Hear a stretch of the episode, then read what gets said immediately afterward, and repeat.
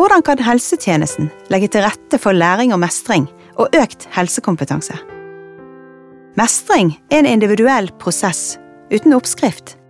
Men kan vi vise til noen stier som andre har gått opp? Velkommen til Spor av mestring, en podkast i regi av Nasjonal kompetansetjeneste for læring og mestring innen helse. Mitt navn er Hilde Blindheim Børve. Jeg er spesialrådgiver og har i mange år jobbet med pedagogikk i en helsekontekst. Velkommen til Spor av mestring, Anita Røyneberg Alvheim.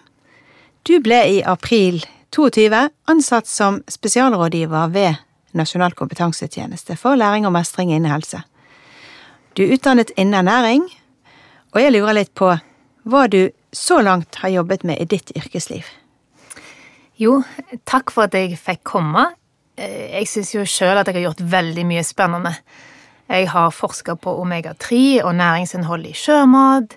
Jeg har jobbet en del i kommunen, annet med å utvikle og etablere et frisklivs- og mestringssenter. Og jeg har jobbet med å utdanne lærere i mat og helse og folkehelsearbeidere. Og nå, Anita, jobber du ved NKLMH med fokus på helsepedagogikk. Og du er invitert til Spor av mestring i dag for å fortelle om dine erfaringer med oppstart og drift av et friskliv- og mestringssenter i Øygarden kommune. Men hva var bakgrunnen for at dette kom i gang, og hvilken rolle hadde du i denne prosessen, Anita? Frisklivs- og mestringssenter det var, det var, først et eh, interkommunalt eh, prosjekt som kom i gang, eller som starta i forbindelse med Samhandlingsreformen og det at kommunene fikk større ansvar for innbyggernes helse. Fjellsund og Øygarden, som nå er slått sammen til, til Øygarden kommune, og Askøy var så vidt med i starten. Så disse fire kommunene de var tidlig ute i vest med å etablere et frisklivs- og mestringssenter. Eh, de så behov for å ha tilbud til innbyggere som retta seg mot det som ofte snakker om som de store eh, helseutfordringene, som hjerte-karsykdom, diabetes, overvekt og fedme og muskel- og skjelettlidelser. Og her var du ansatt som prosjektleder. Ja, jeg ble ansatt som prosjektleder i 2013, og da med ansvar for å utvikle og etablere det interkommunale frisklivs- og mestringssenteret. Og her skulle det være tilbud eh, til innbyggere, eh, så da var i første rekke knytta til hjerte- og karsykdom, diabetes og overvekt og fedme, med mål om å utvikle tilbud til til til innbyggere i kommunen som kunne redusere eller bremse en, en videreutvikling av, av, sykdom. Er det noe du ser tilbake på som spesielt viktig i denne forberedelsens oppstartsfasen? Først var det å finne ressurspersoner i kommunene som skulle bidra inn i kurstilbudene. Jeg var den eneste som var ansatt i Frisklivs- og mestringssenteret og kommunene sine egenandeler, eh, bidrag eh, inn i prosjektet, det var å avse ressurs- og fagpersoner som skulle ha, bidra inn eller ha kurs ved Frisklivs- og mestringssenteret. Og en forutsetning for å få det til, eller en ganske viktig del av prosjektet, det var at det var, var godt forankra høyt oppe i kommunene, eller i hver kommune på, hos helsesjef eller rådmannsnivå. Og det gjorde at det var mulig for mange fagpersoner fra, eller fra hver kommune til å delta på kurs i helsepedagogikk ved, ved Læringsmestringssenteret i, i Bergen. Der de ble da fristilt fra sine primæroppgaver med mål om å ha eller bidra eh, til disse kursene. Du nevner kurs i helsepedagogikk. Ja, En avgjørende faktor for oss det var at det var utarbeida en, en, samarbeidsavtale med Lærings- og mestringssenteret i Helse Bergen der det skulle være tilbud om, om kompetanse til oss i kommunene, eh, sånn at vi kunne bli i stand til å tilby lærings- og mestringstilbud i kommunene våre. Og denne avtalen den innebar at Lærings- og mestringssenteret skulle tilby kurs i helsepedagogikk, så våre fagpersoner kunne melde seg på og delta på. Ja, Så det betydde altså at eh, kommunenes ansatte kunne få da en kompetanseheving? Ja, vi skulle få et kompetanseløft for å kunne utvikle og drive kurs- og gruppetilbud i kommunen. Og, og, vi møtte opp ganske mannsterke fra kommunene våre. Eh, vi var fagpersoner som fysioterapeuter, det var helsesykepleiere, diabetes- og lungesykepleier, ergoterapeut, kreftsykepleier og, og enda flere. Og vi hadde nok i starten en helt klar og tydelig forventning om å få et kursopplegg. Det først og fremst et livsstilskurs som vi hadde behov for, som vi kunne arrangere og tilby til våre innbyggere. Ja, så de ønsket altså de hadde behov for å justere levevanene sine til en mer fysisk aktivitet, bedre kosthold, og det var det som var første fokuset deres, dette livsstilskurset. Ja, det var der vi skulle starte først. Ja. Så dere forventet på en måte å komme på et kurs i helsepedagogikk for å få et ferdig kursopplegg, så dere kunne da jobbe videre med i kommunen, var det sånn? Ja, vår forventning til kompetansehevingen var å få et eh, kursopplegg. Og jeg tror ikke helt vi visste hva vi gikk til, eh, hva et kurs i helsepedagogikk var. Nei. Men dette her fikk dere altså ikke. Og det var faktisk meg som var den litt vanskelige arrangøren den gang av dette kurset. For det jeg ønsket å bidra med, det var jo å gi dere redskaper til selv å utvikle tilbudene ved Frisklivs- og Mestringssenteret. Og dette var en prosess, og på det tidspunktet så hadde ikke dere det dere trengte for å gå i gang og utvikle det. Så om dere hadde da overtatt et ferdig kursprogram, så ville dere gått, vekk, eh, gått glipp av faktisk en vesentlig prosess. For det dere utviklet var nok mye bedre enn det dere kunne fått. Ja, og vi begynte etter hvert å forstå hva vi hadde vært med på i helsepedagogikken. Det at vi gjennom praktiske øvelser, samtaler, diskusjoner og refleksjoner som var ispedd teori, så hadde vi fått føle på hvordan det var å være kursdeltaker i et kurs der målet var å utvikle selvstendige individ som kunne ta del i, men òg ansvar for sin egen prosess. Sånn at det å, ved å bli vist og ikke bare undervist, så ble vi ført inn i vår egen endringsprosess. Eh, og vi forsto da at det var prosessen som var viktig, og ikke produktet. Men er det andre ting du vil fremheve fra denne oppstartsfasen, Anita? Vi, vi var veldig mange fra samme arbeidsplass som deltok eh, på kurs, og det var en stor fordel for oss. Og det òg at etter hvert som det kom nye fagpersoner eh, som ble involvert, så fikk de òg gå på, på kurs i helsepedagogikk. Og det gjorde at vi fikk en felles plattform og en felles forståelse for det arbeidet vi skulle inn i og i gang med. Eh, vi kunne snakke om de samme øvelsene eller opplevelsene vi hadde hatt på kurs i helsepedagogikk, hvordan vi opplevde det, og hvordan vi kunne bruke det inn i våre egne kurs. For nå hadde vi jo innsett og akseptert at vi måtte utvikle egne kurs. Ja, og nå har vi snakket om hva som skulle til for å komme i gang i kommunen. Men hvordan kartla dere innbyggerne sine behov, og hvilke tilbud utviklet dere etter hvert? Det var gjort et kartleggingsarbeid før jeg starta, og der var det eh, lagt vekt på, eller det var funnet behov for, tilbud til personer, eh, spesielt med diabetes og hjerte-karsykdom. Men vi fant det ganske fort ut etter å ha gått på kurs ved Læringsmestringssenter at vi ville ha diagnoseuavhengige kurs. Og det er fordi vi så at det er ofte likhetstrekk i endringsprosesser, og mange kjenner behov for å, å få mestringsstrategier når de opplever helseutfordringer. Og det tror jeg er ganske viktig i kommunale tilbud. Det at spesialisthelsetjenesten de skal lære pasienter om diagnoser og behandling, men i kommunene der folk bor, der, der er de mennesker som trenger motivasjon eller veiledning til å leve med eller leve bedre i det de står i. Men samarbeidet dere med noen brukerrepresentanter i den eh, innledende fasen? Nei, ja Vi hadde ingen brukermedvirkning i starten, eller i utviklingen av våre tilbud. Vi hadde jo fått erfaring med brukerinnlegg på de kursene som vi sjøl hadde deltatt på, og vi var alle enige om hvor sterke og effektfulle disse brukerhistoriene er, så vi mente at det var viktig at vi òg hadde det på våre kurs. Erfaringsinnlegg. Så vi involverte brukere i våre tilbud. Um, vi utvikla og gjennomførte kurs med de fagpersonene som vi, hadde tilgjengelige der og da, og de kursene fikk gode tilbakemelding fra deltakerne. Selv om vi nå, hvis vi ser i ettertid, så kunne vi nok ha truffet enda bedre enda tidligere hvis vi hadde hatt med en reell brukermedvirkning i, utviklingen, i utviklingen av, av tilbudene våre. Dere er involverte og, og lyttet til deltakerne på, på kursene, har jeg forstått? Ja, vi evaluerte alle kursene, og så justerte vi det da, eh, basert på de tilbakemeldingene som vi fikk fra, fra deltakerne.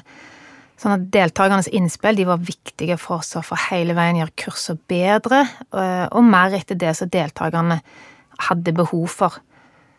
Og vi som fagpersoner, vi lærte jo òg mye, både av hverandre og deltakerne, som gjorde at vi hele veien justerte og korrigerte og endra eh, tilbudene til det eh, til det bedre. Og etter hvert så etablerte dere et eh, samarbeid med brukerrepresentanter. Men hvordan kom dere i gang med det arbeidet? I starten så visste vi ikke hvor vi skulle finne eller få tak i brukerrepresentanter. Hvem skulle vi kontakte, og hvor skulle vi kontakte dem fra?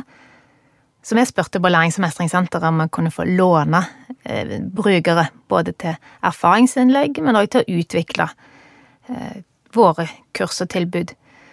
Det var nok fortsatt ikke helt reell brukermedvirkning, for vi ba jo hovedsakelig om innspill og tilbakemelding på, på, våre forslag. Så dere fagpersoner, dere hadde allerede startet den prosessen og utarbeidet et kurs? Ja, det var sånn i starten, og så er det jo lett nå å sitte etterpå og se tilbake og tenke på hva og hvordan vi kunne eller skulle ha gjort det. Men vi var i en prosess som var utrolig kjekt, og det var spennende og lærerikt og inspirerende, og vi gjorde jo hele veien nye oppdagelser for oss fagpersoner som gjorde at vi nå i ettertid kan tenke på hva vi skulle ha gjort. Men i forhold til den brukermedvirkende så fikk vi jo god erfaring med å rekruttere våre egne brukere til å bidra inn i kurs med erfaringsinnlegg og de hadde jo deltatt på akkurat det kurset, og de lever i det samme lokalmiljøet som deltakerne. De kjenner turstier, butikker og nærmiljø. Og vi opplevde vel at det ga en større nærhet til deltakerne enn å få noen utenifra til å dele sine erfaringer, selv om det òg kan fungere veldig bra. Så dere hadde altså mest fokus på brukerinnleggene i begynnelsen, Men så etter hvert så kom dere i gang med ulike frisklivs- og mestringstilbud, og kan ikke du fortelle litt om hvilke tilbud dere etter hvert utviklet til innbyggerne i kommunen? Det første vi utvikla, det var et livsstilskurs.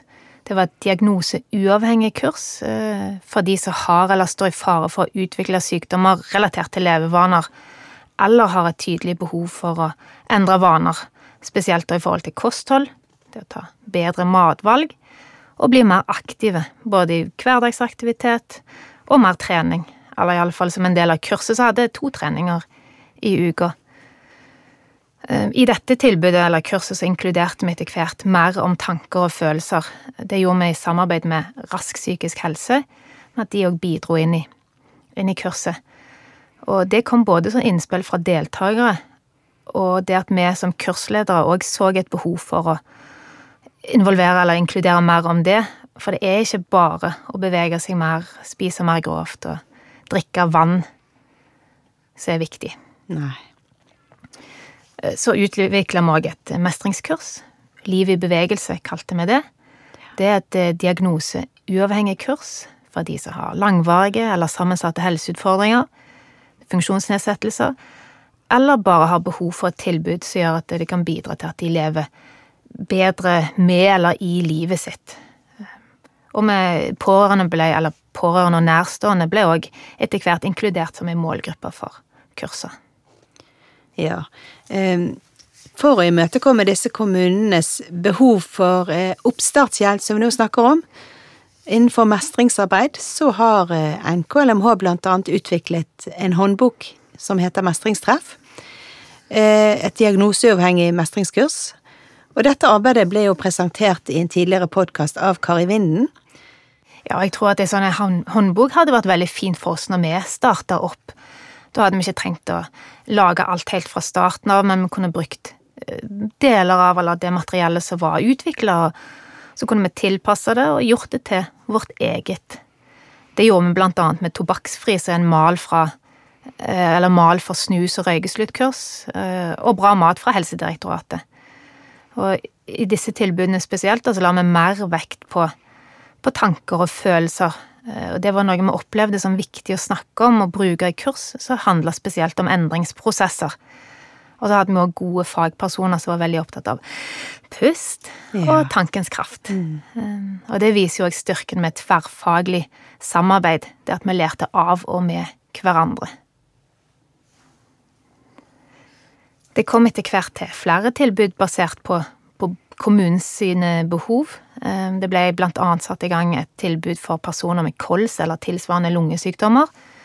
Og det er et samarbeid med et lokalt treningssenter der deltakerne får trene med fysioterapeut to ganger i uka.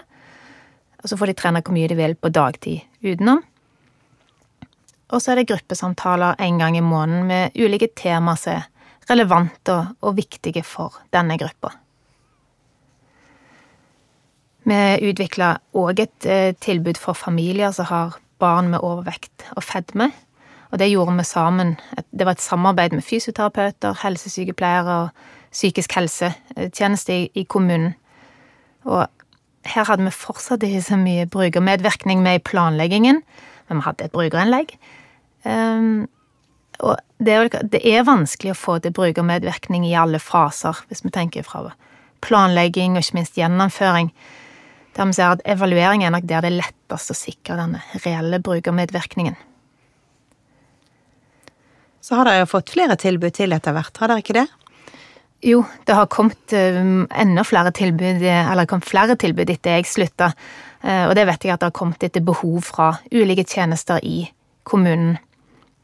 Og det er jo nettopp det at det er her at denne kompetansen som er utvikla gjennom helsepedagogikken, eller kurs i helsepedagogikk, helsepedagogikk, at det å gå gjennom prosessen sjøl, det var så viktig. For nå er jo kompetansen til å utvikle og drive kurs på plass i kommunen. Men hvordan ble så fortsettelsen med denne brukermedvirkningen for dere ute i, i kommunen? Jo, vi ble jo bedre eh, på brukermedvirkning. Eh, vi satte ned, eh, eller vi satte blant annet ned ei ressursgruppe som besto av tidligere deltakere som vi hadde møter med. Og så fikk vi ansatt, nå i starten i hvert fall, på et prosjekt, en erfaringskonsulent og det var en tidligere deltaker på et av våre tilbud, eh, som var ansatt på bakgrunn av erfaringen sin og ikke fagkunnskapen. Og han ble brukt på alle nivå. Eh, på individnivå, eh, eller mot deltakerne, hvor han ga ekstra støtte og motivasjon. Og hadde òg en annen forståelse til deltakerne, ofte på en mer troverdig måte enn det vi som kursholdere klarte. Han var òg involvert i, i utviklingen av tilbudene våre, og så ble han brukt på systemnivå da kommunene skulle slå seg sammen. Og det med brukererfaring, eller eh, reell brukermedvirkning, det opplever jeg vel at det er få som har erfaring med i kommunen. Men når de ser at når de jobber med denne type erfaringskunnskap, så vil vi si at nesten alle får en sånn åpenbaring om hvor viktig og verdifull brukererfaringen er, eh, spesielt i arbeid med, eller utviklingen da av helsetjenestene.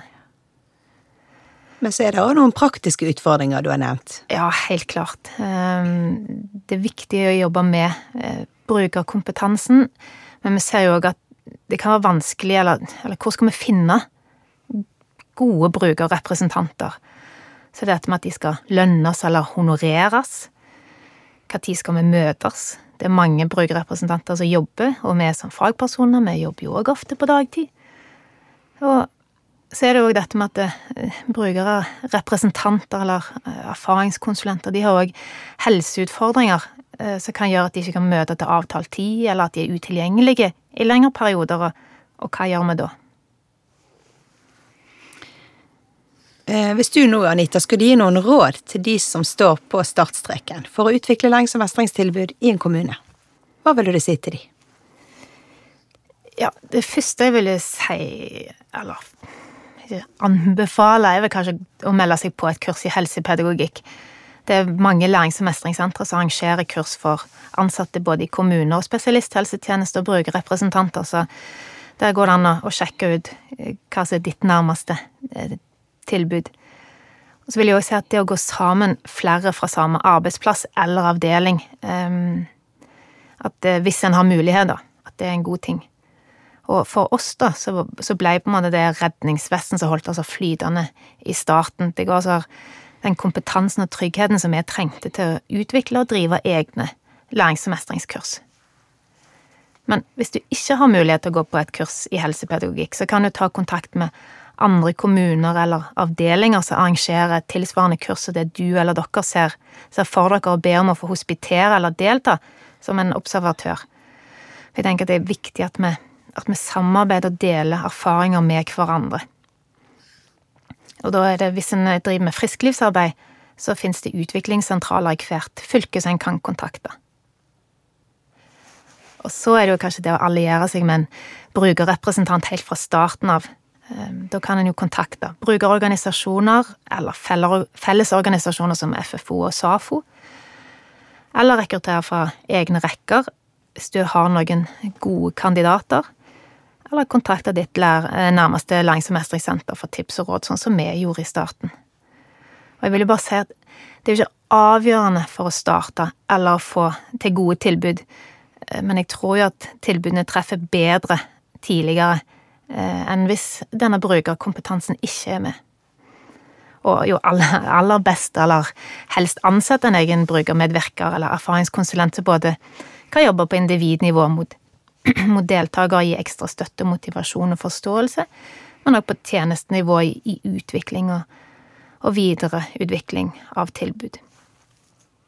Så til slutt så vil jeg jo kanskje si det at eh, det å finne det som en er gode på, og bygge tilbudet opp og rundt det som en er trygge på, og så kan en jo utvide etter hvert. For dette er jo et utrolig spennende og interessant felt å jobbe både i og med. At det å kunne utvikle og drive tilbud som bidrar til bedre helse og livskvalitet. Så bare sett i gang, ler underveis, men det å være åpen for å lære både av deltakere og kolleger. Men da, Anita, da gjenstår det bare å si tusen takk for at du kom og delte av dine erfaringer fra din tid i Øygarden kommune. Ja, tusen takk for at jeg fikk komme, og jeg håper at dette kan inspirere og motivere andre til å sette i gang med dette spennende arbeidet. På gjenhør til nye samtaler om spor av mestring.